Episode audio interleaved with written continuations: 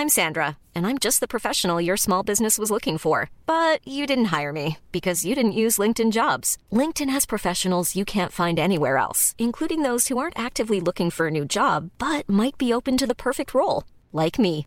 In a given month, over 70% of LinkedIn users don't visit other leading job sites. So if you're not looking on LinkedIn, you'll miss out on great candidates like Sandra. Start hiring professionals like a professional. Post your free job on linkedin.com/people today. Ready to pop the question? The jewelers at BlueNile.com have got sparkle down to a science with beautiful lab-grown diamonds worthy of your most brilliant moments. Their lab-grown diamonds are independently graded and guaranteed identical to natural diamonds, and they're ready to ship to your door. Go to BlueNile.com and use promo code LISTEN to get $50 off your purchase of $500 or more. That's code LISTEN at BlueNile.com for $50 off. BlueNile.com code LISTEN. Even when we're on a budget, we still deserve nice things. Quince is a place to scoop up stunning high-end goods for 50 to 80% less than similar brands.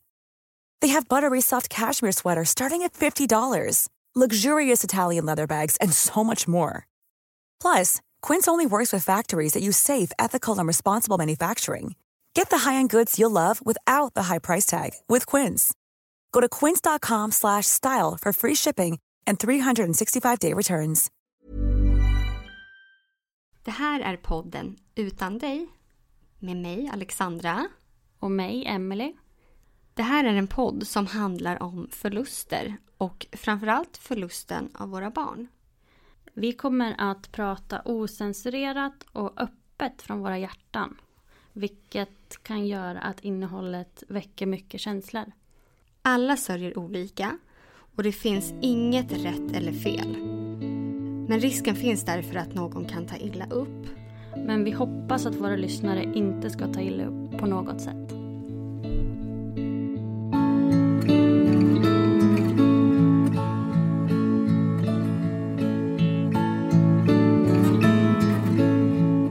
I dagens poddavsnitt har vi mamma Kattis med oss här. Välkommen! Tack! Vi vill gärna höra om din berättelse. Så du får gärna köra igång direkt. Så flikar vi in med lite frågor. Mm. Kattis heter jag, bor i Småland. Jag har tre barn. Kevin som är tio och snart och Isabella som snart fyller sex. Och sen så har jag Filip som skulle ha fyllt fem i maj.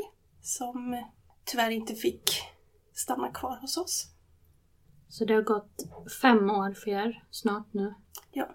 Sen Filip ja, dog. Ja. Vill du berätta mer om vad som hände?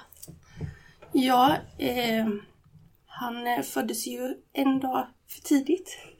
39 plus 6. Och det, jag hade haft små verkar i två dygn så jag var rätt trött för det kom aldrig igång. Så jag åkte in till förlossningen och ville ha något att sova på.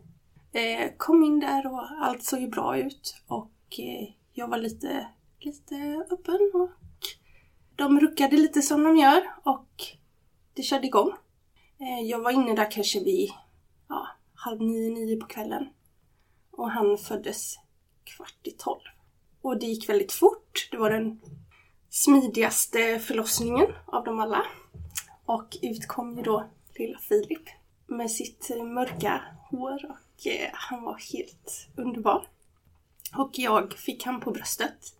Och han eh, var liksom så här, det första vi tänkte på var liksom, åh, gud vad fantastiskt. Alla de här känslorna man känner och den här glädjen och allt bara bubblar. Och bara se det här knutet ligga där. Ja, det var ju magiskt. Och sen så började man höra att han rosslade. Alltså det var liksom slemmigt. Och då frågade vi barnmorskan, eh, han, han är lite slemmig och sådär. Ja men det är bara torka. Han föddes med, liksom kom med fostervattnet. Så det, är- det är bara liksom fostervatten som han får upp. Ja, tänkte vi. Och sen så såg vi lite att han var lite blåaktig och då frågade vi om det. Men det var ju liksom inget som hon tyckte var. Och sen så började vi se att hans tå såg ut som det kom, att han hade ena tån var fäst i samma, om man säger, ben. Den låg liksom lite sådär konstigt och då frågade vi om det. Och då sa hon att nej men det är ingen fara, det är nog bara att han har legat så i magen. Och, ja, och sen så låg man ju där och fick ha han eh, ungefär två timmar på bröstet. Och gosa och, och bara vara så glad. Och vi skrev till våra, våran familj att, och skickade kort att han hade kommit. Sen så efter ungefär två timmar så kommer barnmorskan igen. Och eh, då var det ju dags för den här efterkontrollen eller eftersköten som man säger. Eh, och vi står och pratar och det är trevligt och man är så här. Sen blir hon helt tyst. Och jag frågar vad, ja, vad, vad, vad är det? Nej men han saknar eh, analhål, säger hon. Jaha, är det liksom normalt? Man börjar liksom oroa sig och jaha. Och innerst inne tänker man det, det är säkert inget. Eh, och då förklarar hon att det kan ju vara så att det bara är skinn som ligger över. Men att eh, det finns en fungerande tarmkanal och allt så. Men att hon ska ringa dit läkaren. För de hade ingen läkare på plats. Och eh, då börjar man ju liksom så här ha, bli eh, orolig och tänka vad, vad, vad, vad är det som händer? Vad, vad är det för fel? Är det liksom Ja men det är säkert ingen fara tänker man och det kommer bli bra. Sen kommer läkaren efter ungefär kanske 20 minuter, en halvtimme. Och eh, då tar de ju honom och hon frågar, har han låtit så här hela tiden? Ja, men det är ju bara, bara fostervatten. Och då tar de honom och går.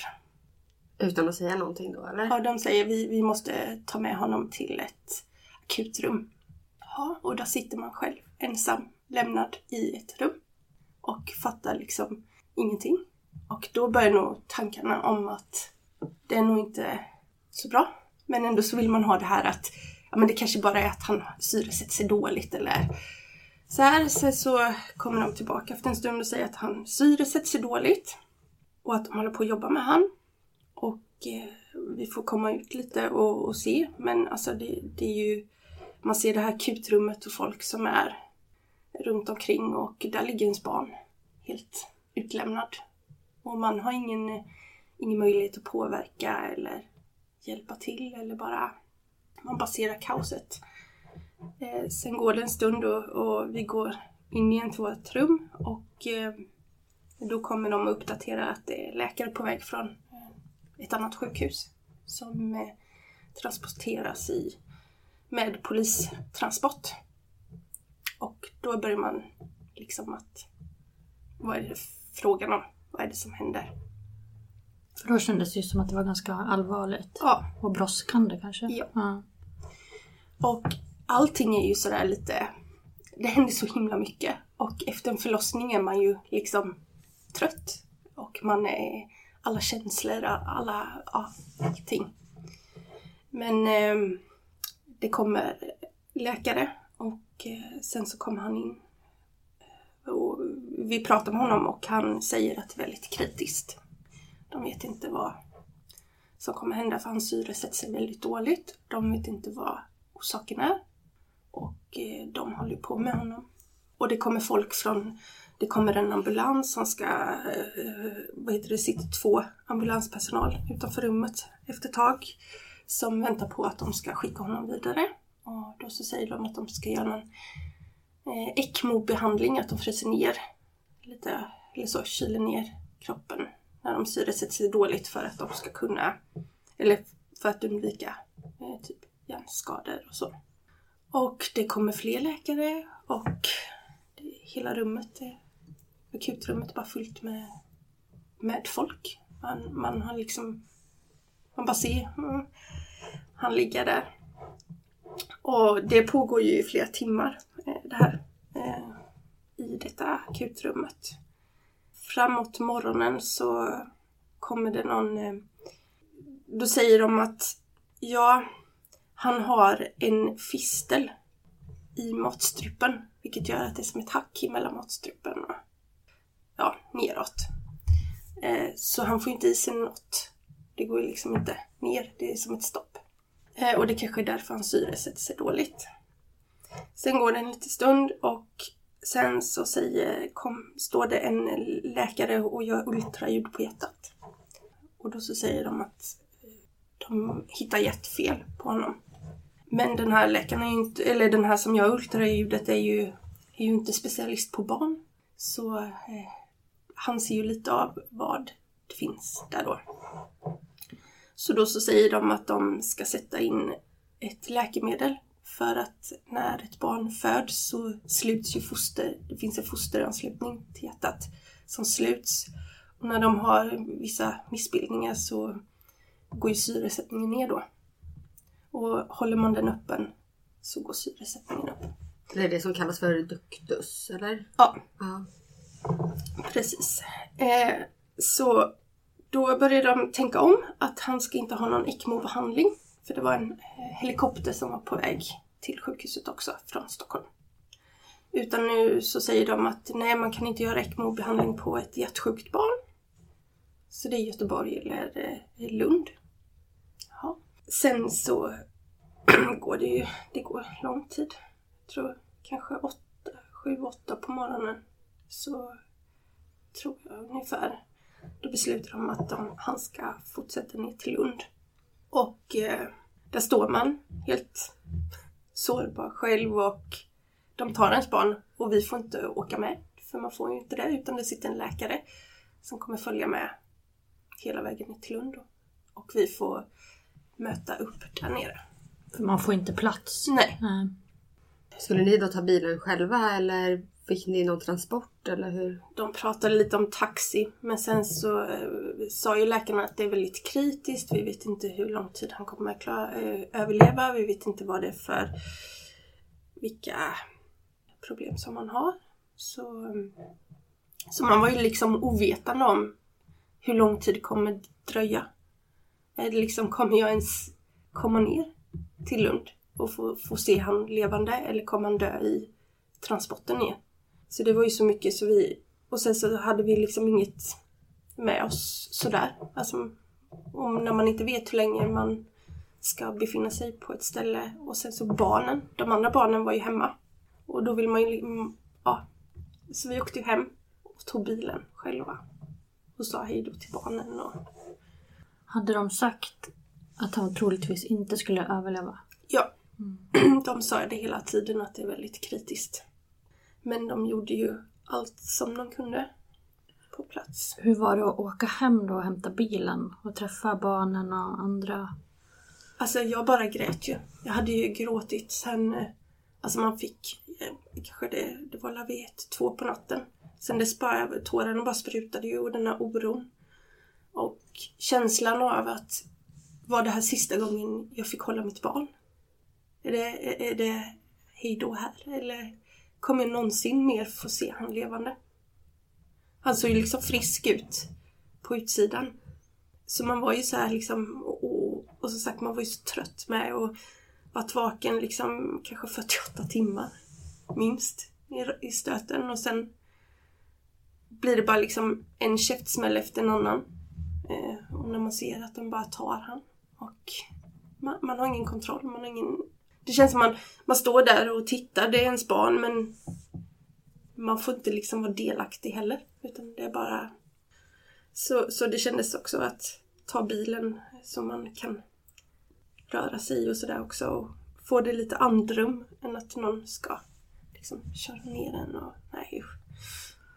Förstod de andra barnen hemma vad det var som hade hänt? Eller att det var väldigt allvarligt då med lillebror?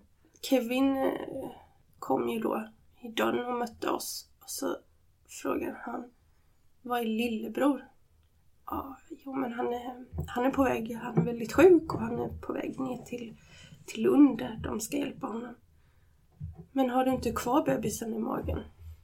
Det var så konstigt att jag inte kom hem. Och man känner sig så, så hemsk på något sätt. Att man är helt förstörd och så vill man så gärna bara...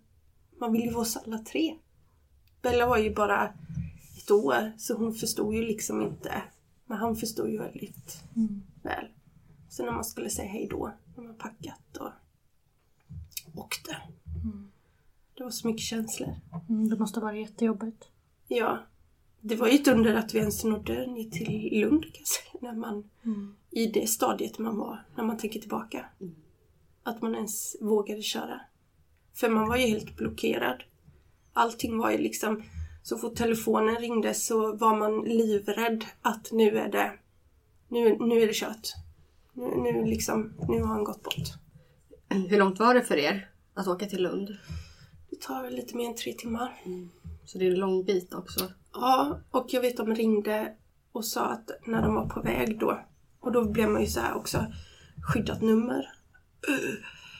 Och så svarade jag, ja, ja, vi är på väg och det, det är rätt så stabilt och vi, vi kör, vi syns där nere. Och så bara, han lever fortfarande, jag har ändå chans att få, få se han, eller vara med han. Och sen så gick det några timmar och så ringer de från barn och eh, barnintensiven i Lund och eh, berättar då att de väntar på oss där nere när vi kommer. Och då var det också så här, är han död? Liksom, varför ringer du? Och sen så ringde läkaren igen och sa att han hade lämnat av han. Ja, så det var lång väntan och det kändes som det man aldrig kom fram kan jag säga. Man, eh, ja, det var hemskt. Sitta i bilen. Man vill ju bara dit direkt.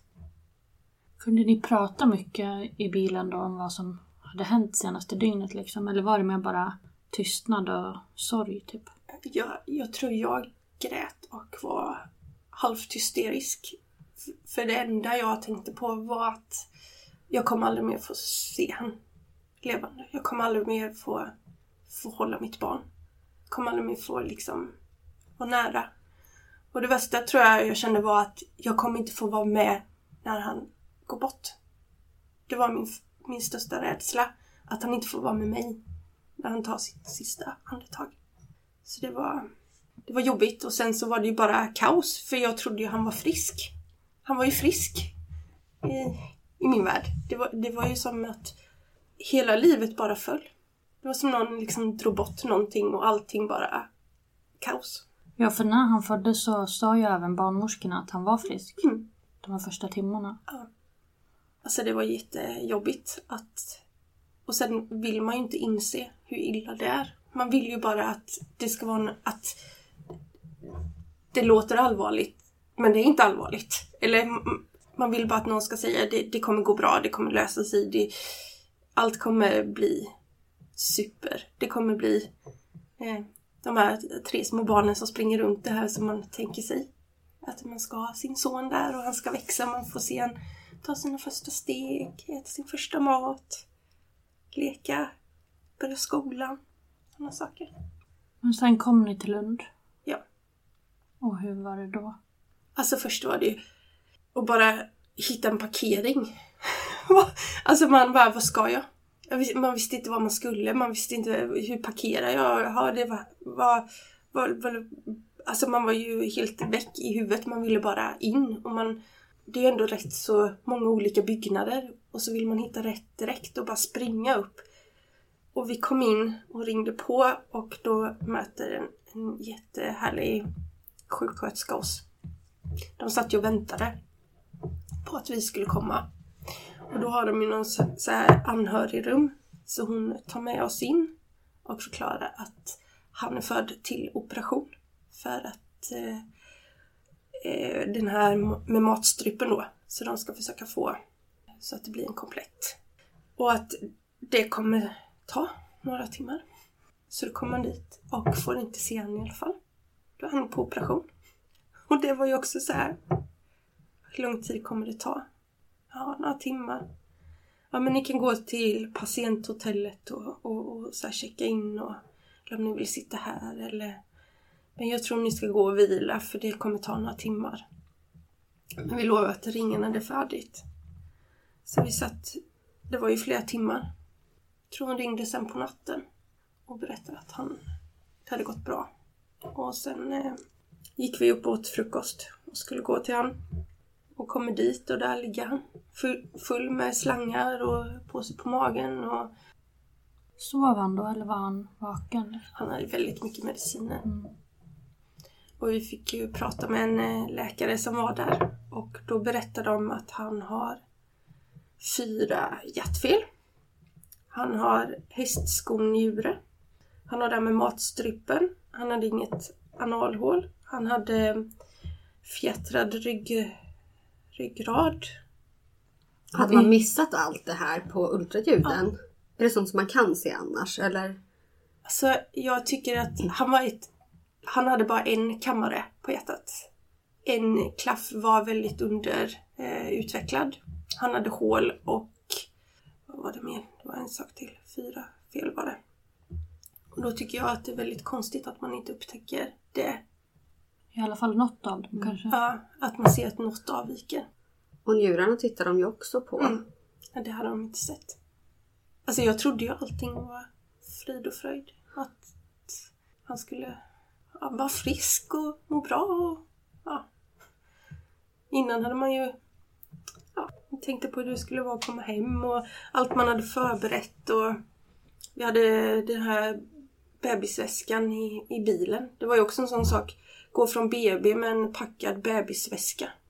Med filt och nalle och de första kläderna. Och så ta med sig, alltså med sig den ner till Lund och veta att det kommer nog inte bli använt.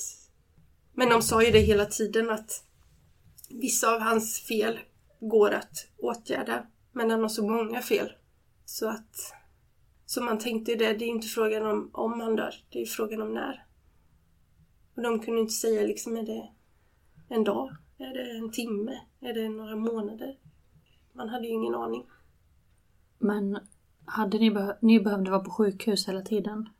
Fick ni någon slags hopp om att komma hem med han? Nej, Nej. det fick vi inte. Och jag var ju så här, ja.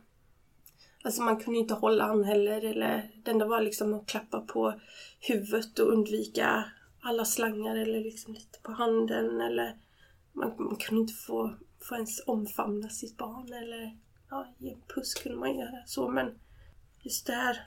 Och då vet jag, jag sa flera gånger att jag tror att sista gången kommer Nej, ja, sista gången jag håller mitt barn, det är när, eller ja, nästa gång då jag håller mitt barn, det är när han kommer att få somna. Sen gick det ju fem dagar. Vi var ju nere på, vi blev inskrivna på Ronald McDonalds hus där nere.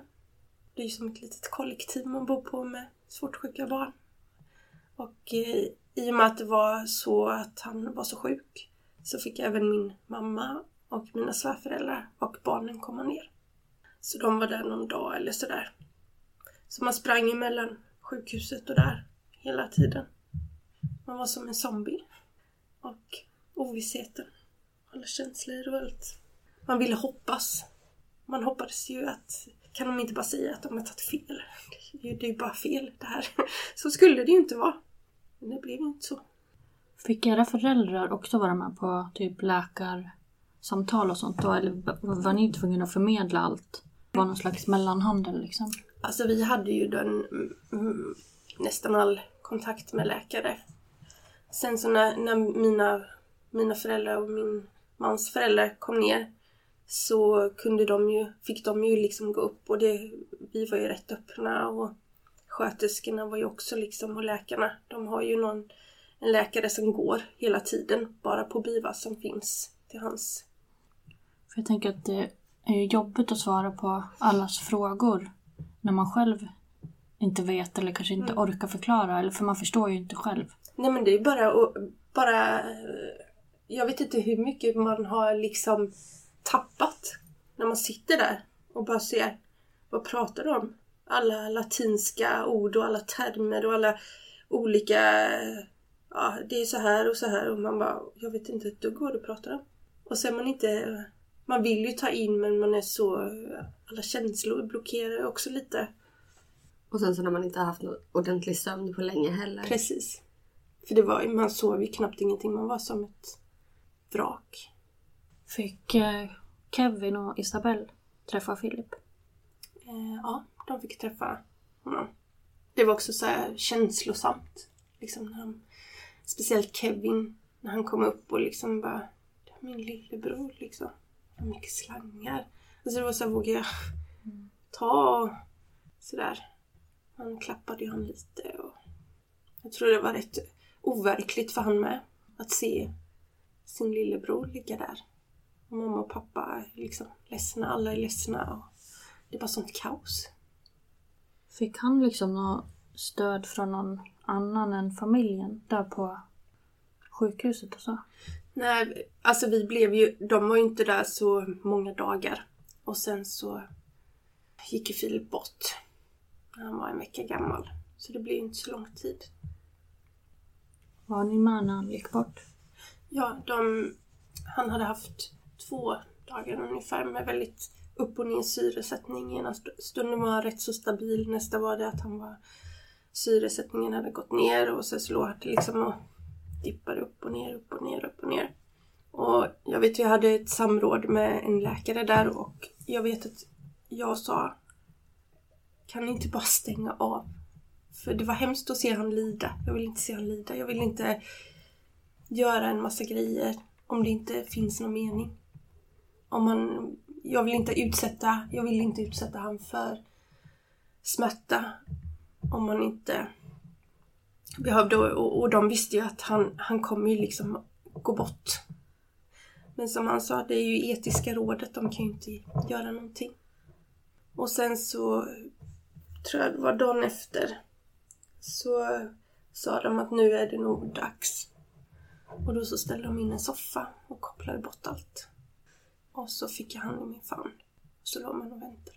Det, det gick rätt fort. Efter att de hade tagit bort alla mediciner och stängt av allt.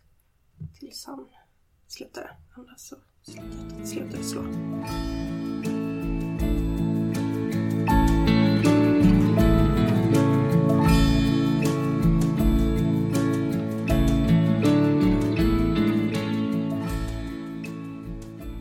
Så satt man där. Vi hade sköterska med hela tiden. Det kändes liksom konstigt att sitta i ett sjukhusrum i en soffa och hålla sitt barn för andra gången och sista gången. Hur kändes det när, när läkaren sa att nu är det dags? På ett sätt så kändes det som att för mig kändes det bara kaos. Och, och liksom jag kände mig helt jag vet inte alls.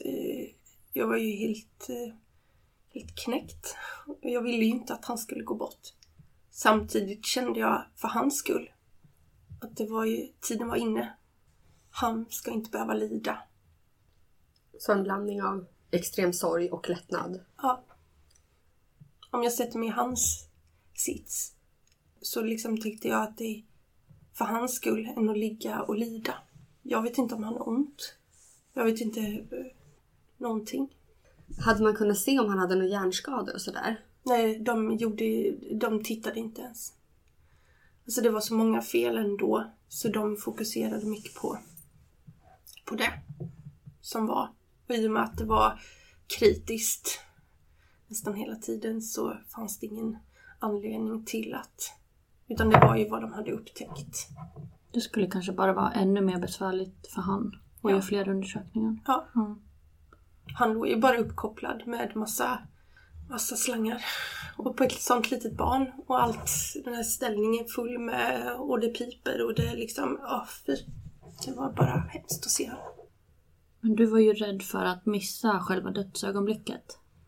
Ja. Var, var det skönt att du nu fick vara med? Ja, det var skönt. Men sen när han hade tagit sina sista andetag så fick jag panik. Alltså det var sån ångest och eh, sån sorg. Så då sa de ju att de skulle klä på honom och göra i ordning och så här.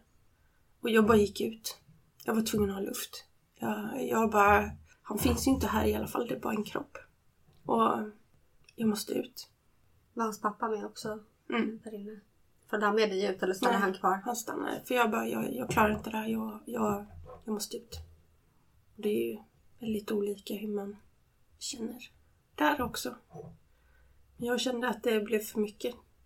Det hade varit så mycket och, och just se en ta sina sista andetag. Man hörde liksom, ja nu, nu är det nära. Nu är det nära.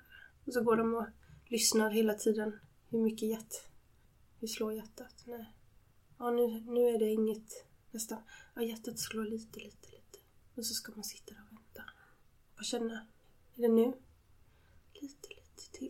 Och sen så när det är slut. Var resten av familjen kvar i Lund då? Ja, de närmaste. Sen så har jag ju många syskon. Så min mamma och min pappa och hans tjej och mina svärföräldrar och mina barn fick ju se han i livet. Sen har jag eh, sex syskon. Så fyra av dem, nej tre av dem, körde när han hade gått bort ner till Lund från Småland då. För de ville ta farväl och se han. Även att han hade gått bort. Så de kom ner och var med när vi fick gå in i det här rummet när de har gjort i ordning och dagen efter då. Men då var han ju helt stel och det var ju som två skilda personer. Då släppte han alla slangar och sånt men då var han liksom stel istället. Mm. För vi hade ju lite tid. Alltså de gjorde i ordning han. Och la han med de kläder som första plagget man hade köpt. Så de klädde på han det. Virade in han i någon filt. Och så hade de fått någon sån här virkad, eh, vad heter det, bläckfisk där. Så de lagt den i jämte och så den nallen som vi hade köpt. Och någon liten blomma. Så vi hade ju tid efter då, när de hade gjort i ordning han. Då var han ju inte så stel. Men när mina syskon kom ner så hade han ju legat kyld över natten då. Och då, då var han ju helt stel och det var inte alls... Ja. Vad sa Kevin då? Fick han också se efteråt? Mm. Vi ville att han skulle få vara med och göra det så normalt som det går. Att det tillhör ju lite livet och han är ju en del av våran familj. Jag tycker det är viktigt att de också får se. Och sen var man ju förstörd, man grät ju och grät och grät och grät. Och han bara, mamma jag torkar dina tårar. Så det var, det var fint tycker jag.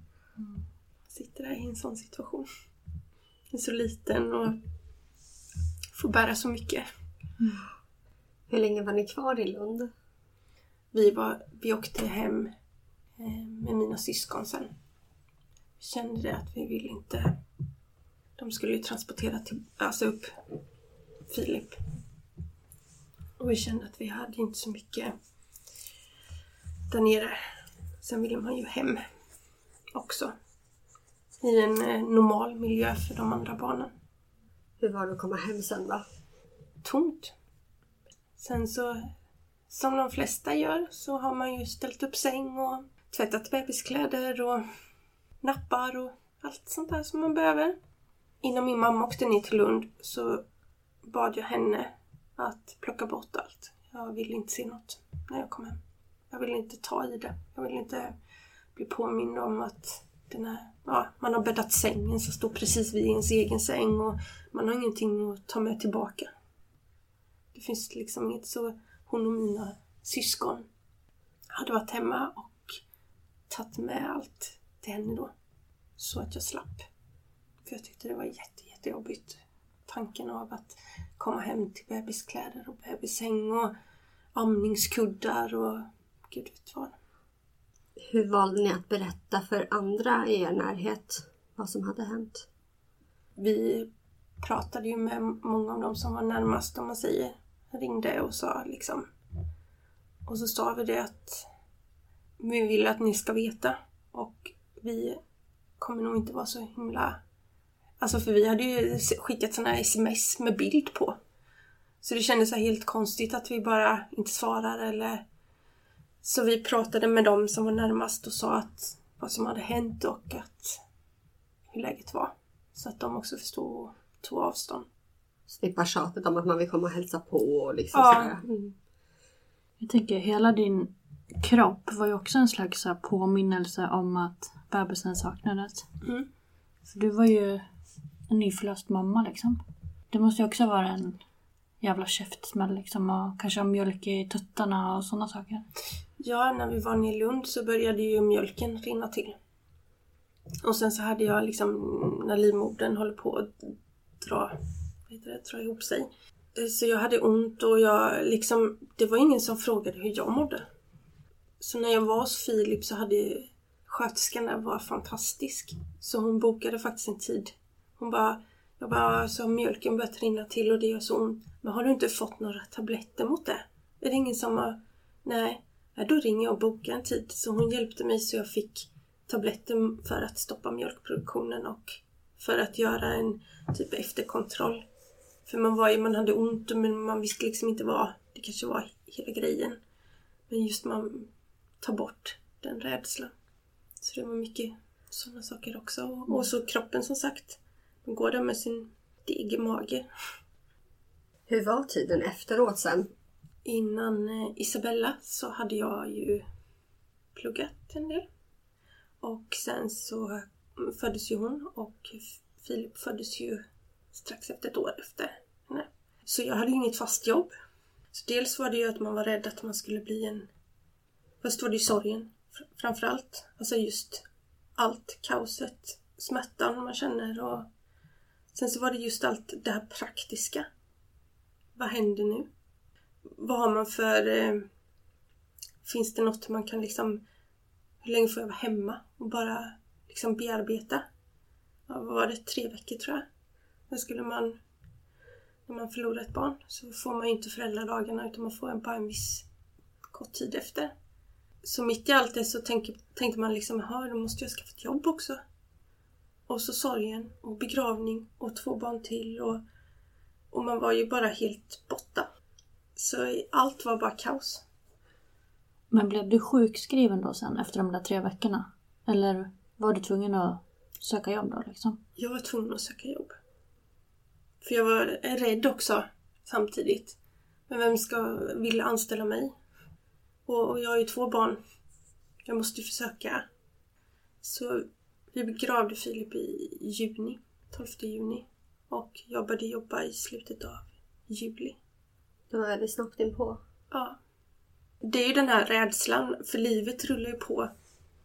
Man vill bara lägga sig ner och dö själv. Alltså man vill inte gå upp mer. Man vill inte äta, man vill inte göra någonting, ingenting när Filip dog så var det som att en del av mig dog. Fast man ändå måste liksom, man har två barn till som betyder allt i ens värld. Och man måste liksom göra allt för att det ska liksom funka. När du skaffade det jobbet, berättade du då vad som hade hänt? Nej. Jag var rädd. Jag ville inte att folk skulle döma mig. Eller tycka synd om mig. Det var nog mest liksom Åh, stackars dig. Jag ville inte ha det. Jag ville att de skulle... Och det, det var väl kanske också, jag sköt iväg lite, eller jag knuffade undan mycket av det jobbiga. Väldigt, väldigt länge. Bearbetade inte, utan jag bara slängde mig rakt in i vardagen. Kom det ikapp sen efteråt på något sätt? Eller har du liksom bearbeta lite i taget i efterhand? Alltså jag körde ju på. Och jag tänkte att efter Filip då att jag ska liksom ge mina andra två barn allt som jag har. Och jag ska göra allt varje dag. Det ska vara liksom, ska ta tillvara på livet och så blev det ju inte riktigt. För kanske, det är väl ett år efter så började jag få massa så här kroppsliga symptom och huvudvärk och ont i magen och liksom stickningar i fötter och händer och skakningar och alla möjliga. Så jag tänkte, nu, nu kanske jag också dör. Ja, men det kanske är stress. Nej, det, nej, det är nog stress. Och sen höll det på. Så sen har jag haft en depression efter. För att jag inte har bearbetat min sorg. Har du fått bra stöd i sånt? Till slut fick jag det. Till slut träffade jag en eh, eh, kurator på vårdcentralen som sa att liksom, det är okej att känna så här och vi kommer bearbetas. Då har vi gjort det under en längre period. Men från början var det ungefär som att man skulle bara... Man fick inte så mycket stöd. Och man fick leta mycket själv. Man hittade grupper på Facebook, men det fick man göra själv. Det var ingen som sa att det fanns. Utan man letade, vad ska jag söka? Vad finns det andra som jag? Som känner och och må som jag? Är det normalt att må så här? Är det, hur gör andra? Och det fick man ju lite leta efter själv, söka efter. För man kände att man hade ändå ett behov av att kanske skriva av sig eller... För man är ju rätt ensam.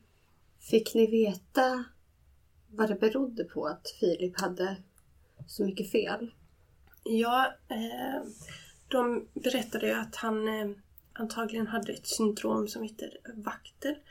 Och det är när det, det är missbildningar då.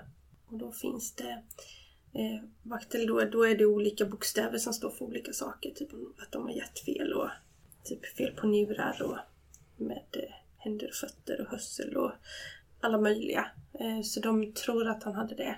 Och att missbildningarna hände vecka sex ungefär, när, eh, i, celldelningen.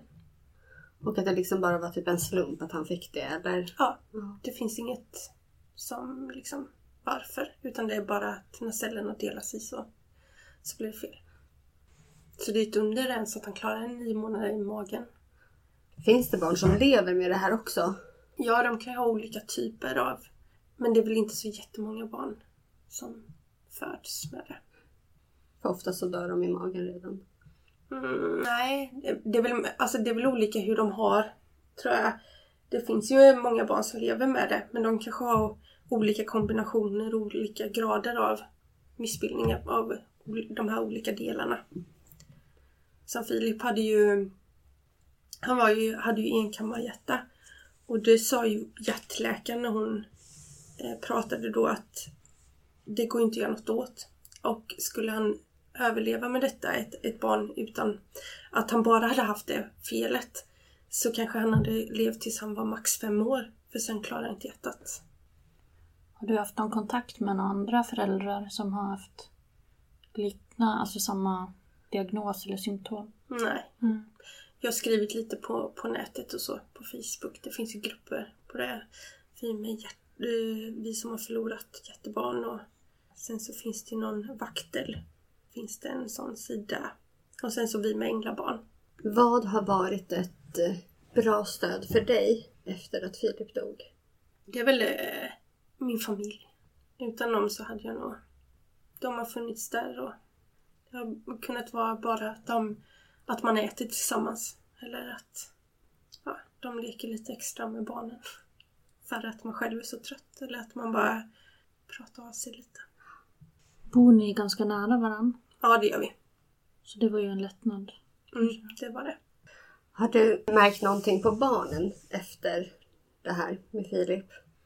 Alltså de pratar väldigt mycket om eh, Filip. Och eh, att han skulle varit så här gammal och hur stor trodde mamma att han skulle varit? Lång? Och nu tror jag att han sitter där uppe och, och, och tittar på oss.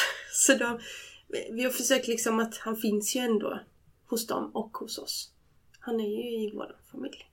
Har det alltid varit liksom lätt och naturligt att kunna svara på deras frågor? Jag har velat vara öppen och eh, liksom prata med dem. För det är ju en del, det är ju det som har hänt. Och att man är ledsen och förtvivlad och rädd. Tycker jag är viktigt att man, man pratar med dem och, och är så öppen som möjligt. Brukar ni göra något speciellt när det är Philips födelsedag eller någonting sånt? Ja, när det är Philips födelsedag så brukar vi köpa tårta och äta och åka till graven. Det är hans födelsedag, då äter man tårta. Mm. Fira lite. Mm. Och sen en vecka senare så är det hans dödsdag. Ja. ja men den eh, brukar vara väldigt, väldigt... Jag tycker att våren är väldigt, väldigt jobbig. Det kommer som varje år så går det tillbaka alla... Det blir lite extra känsligt tycker jag. Så på dödsdagen brukar jag inte åka till graven. Jag tycker mest det är jobbigt. Jag försöker om jag orkar. Jag tycker det är jobbigt med graven. Jag vet inte varför. Men Ja, Jag förstår det. Jag gillar inte heller det med graven. Min mamma har tagit det just nu. Ja, men det blir som en så här ångestgrej. Jag vet inte vad, vad det är men jag har jättesvårt att just... Jag gör det för barnens skull. Men jag har svårt själv att vara där hela tiden. Eller, jag tycker det, ja, det, det händer så mycket inom en som gör att man... Mm.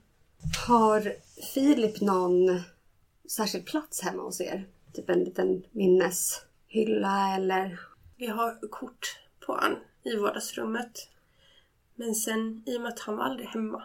Han har ingenting. Jag har typ hans, de gjorde på, på BIVA då, hand och fotavtryck. Så det har jag liksom lagt undan lite för jag vill inte att det ska bli förstört. Att det ska råka gå sönder. Det är liksom... Det är så värdefullt. Och sen så har jag en hårlock. Och den är också så här, den har jag ramat in. Men jag vill gärna att den ska få vara kvar. När man har andra småbarn så är det lätt att de tar i. Så det är också väldigt... Och sen så har jag en napp som man hade på Biva. En grön. Och så hans lilla... Det här när han föddes, det här bandet som han hade. hade. Det är det jag har. Och korten och minnesboken från begravningen. Det är ju det, han var ju aldrig hemma. Har ni fått mycket frågor om ni skulle vilja skaffa fler barn? Ja, det har vi. Hur känns det att få sådana frågor? Alltså, frågan i sig känns väl helt okej för jag har, jag har en väldigt tydlig bild av eller jag har ett väldigt tydligt svar på den frågan och jag, jag brukar säga det att jag vill aldrig mer skaffa barn. För att i och med att det gick som det gick, jag trodde han var frisk. Jag hade inte vågat utsätta mig själv för den pressen. Att gå och sen så blir jag så här, om jag skulle få ett barn, hur skulle det bli då när jag får den på bröstet? Kommer jag våga ta till mig att den är frisk?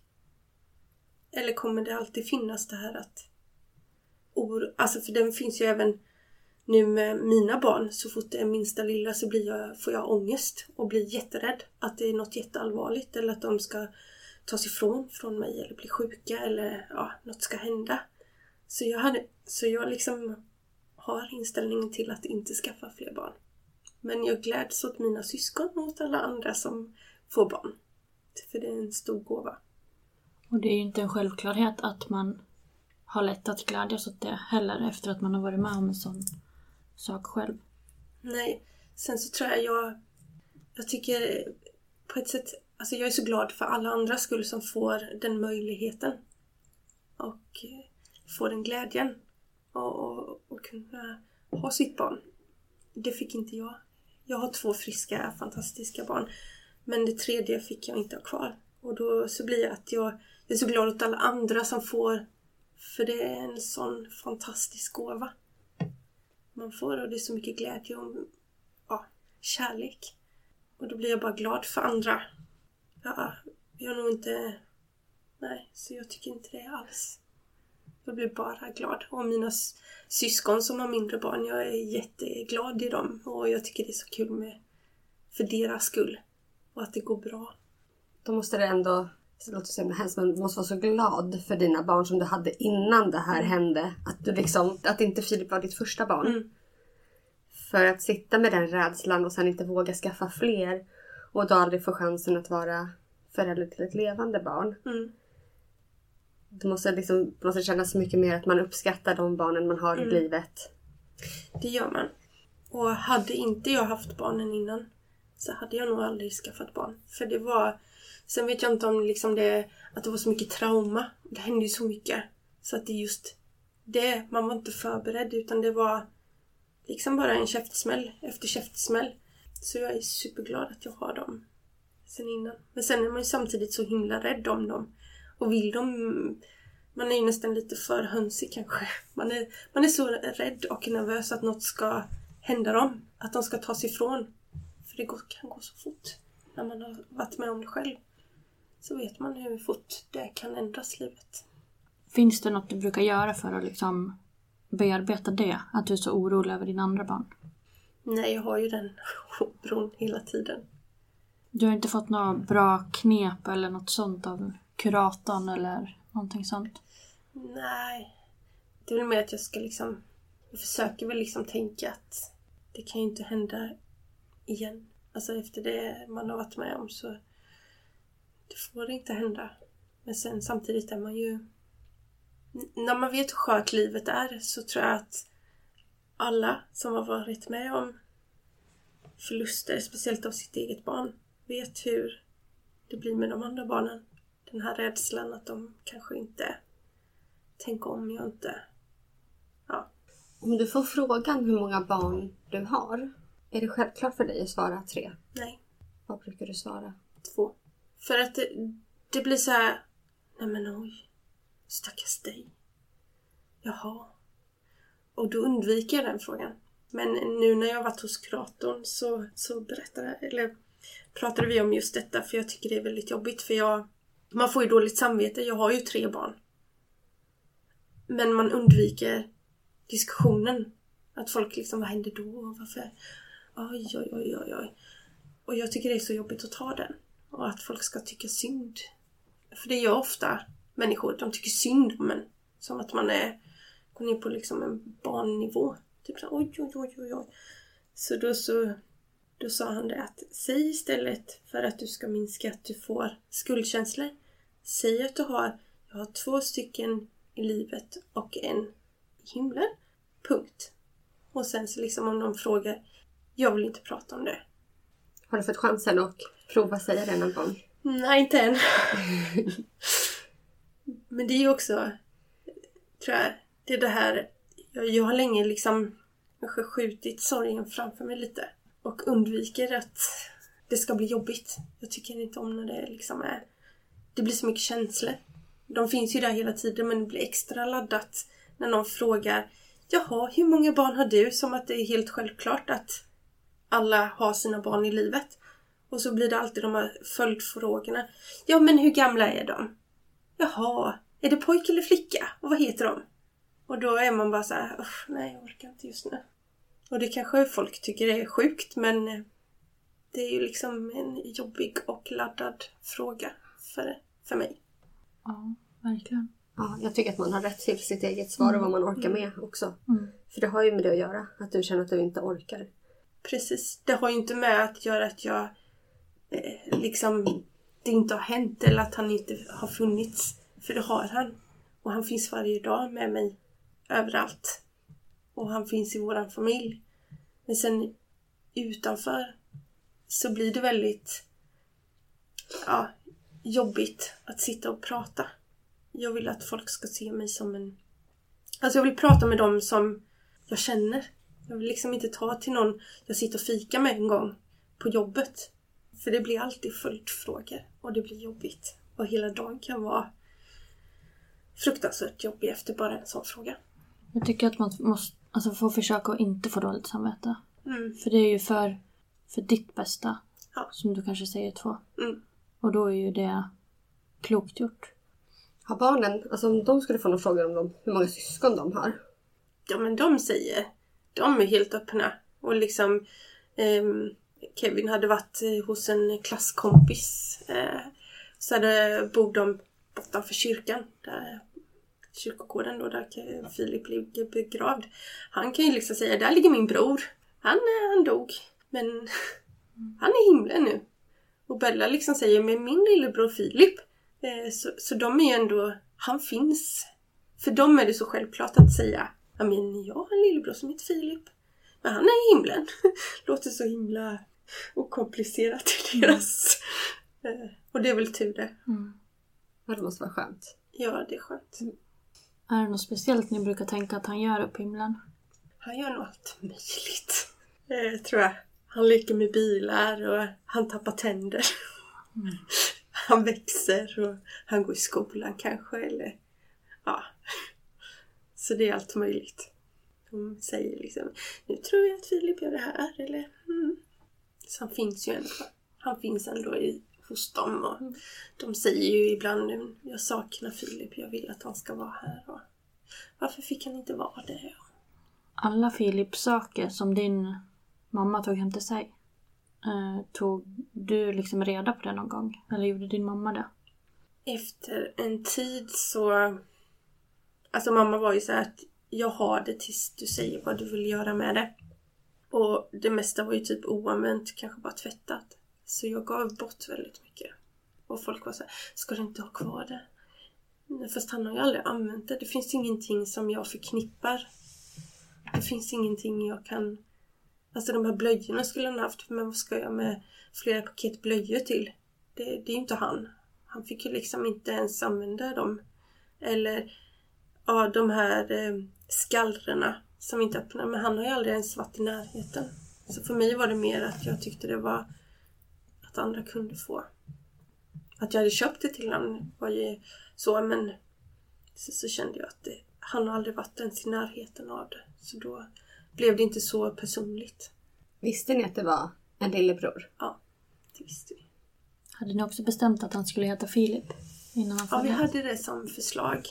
Så sen så när han kom ut så... Så var han en Filip? Mm. Mörkt hår hade han. Jättesöt. Var han lik sina syskon? Ja, det var han. Fast de andra har varit ljusa, eller, eller de har typ inte haft något hår och han hade massa hår tyckte jag. Mot de andra. Och så var det helt svart och de andra är ljusa. Så det var... Jag skulle vilja säga till alla andra där ute som, som är med i samma att det finns faktiskt många, många änglaföräldrar som finns. Det är väldigt många som har barn som har gått bort. Och att det inte är något som är onormalt eller alla sörjer olika. Att försöka liksom hitta sitt sätt att sörja och bearbeta det som händer. Jag tänkte på det för att det har ju gått snart fem år då för er. Mm. Men du nämnde ju lite att du sköt kanske sorgen framför dig lite. Men tycker du liksom att det har blivit jobbigare eller lättare med åren eller går det liksom inte att jämföra? Alltså jag tror att i början så var det ju det här kaoset och sorgen. Det här man grät typ konstant i hur länge som helst. Jag vet inte. Sen tog ju typ tårarna slut. Och sen så börjar man in i vardagen och allt rullar på. Man står där liksom som man själv är ett vrak och alla andra runt omkring bara lever vidare. ja men det är lite så. Eh, och eh, sen så börjar man liksom, nej men jag måste ju, måste, måste, måste. Man jobbar, man eh, tränar, man är med barnen, man allt möjligt. Och sen så bara vaknar man upp och känner att det, varför mår jag så här? Och då ska man bearbeta det man inte har gjort. Så det har varit jobbigt båda delarna, om man säger. Det har varit på olika plan. Men varje vår har känts extra tung. Mm. Våren är värst. Mycket att du återupplever det. Mm. Det blir som ett slag i magen. Men, allt blir lite extra känsligt. Allt runt omkring. Så man vill bara... Jag brukar ta ledigt någon dag. Något år har jag varit sjukskriven. Och, ja. För det är extra jobbigt. Men vet din chef om nu vad som har hänt? Min nuvarande chef vet inte. Mina andra chefer har vetat. Inte den första. Då sa jag det efter ett tag. Jag tänker så att de har lite mer förståelse kanske. Att våren är lite tuffare och att... Jag brukar säga så här. Sen säger jag så här att jag, ja, jag tycker det är väldigt jobbigt att prata om. Som sagt. Sådär när man är i vardagen. När folk ska liksom, man ska träffa personerna hela tiden. Och så vill man att de ska se en som en vanlig människa. Mm. Och inte som att man, det är synd om mm. en. Eller, ja. Sen är det bra med förståelse att man har sina upp och ner. Och det är ju rätt så naturligt när livet krasar ihop och något fattas. Då vill vi tacka jättemycket för att du tog dig långväga hit ja. för att träffa oss. Tack själva. Fint. Tack så jättemycket för att vi fick höra om Filip.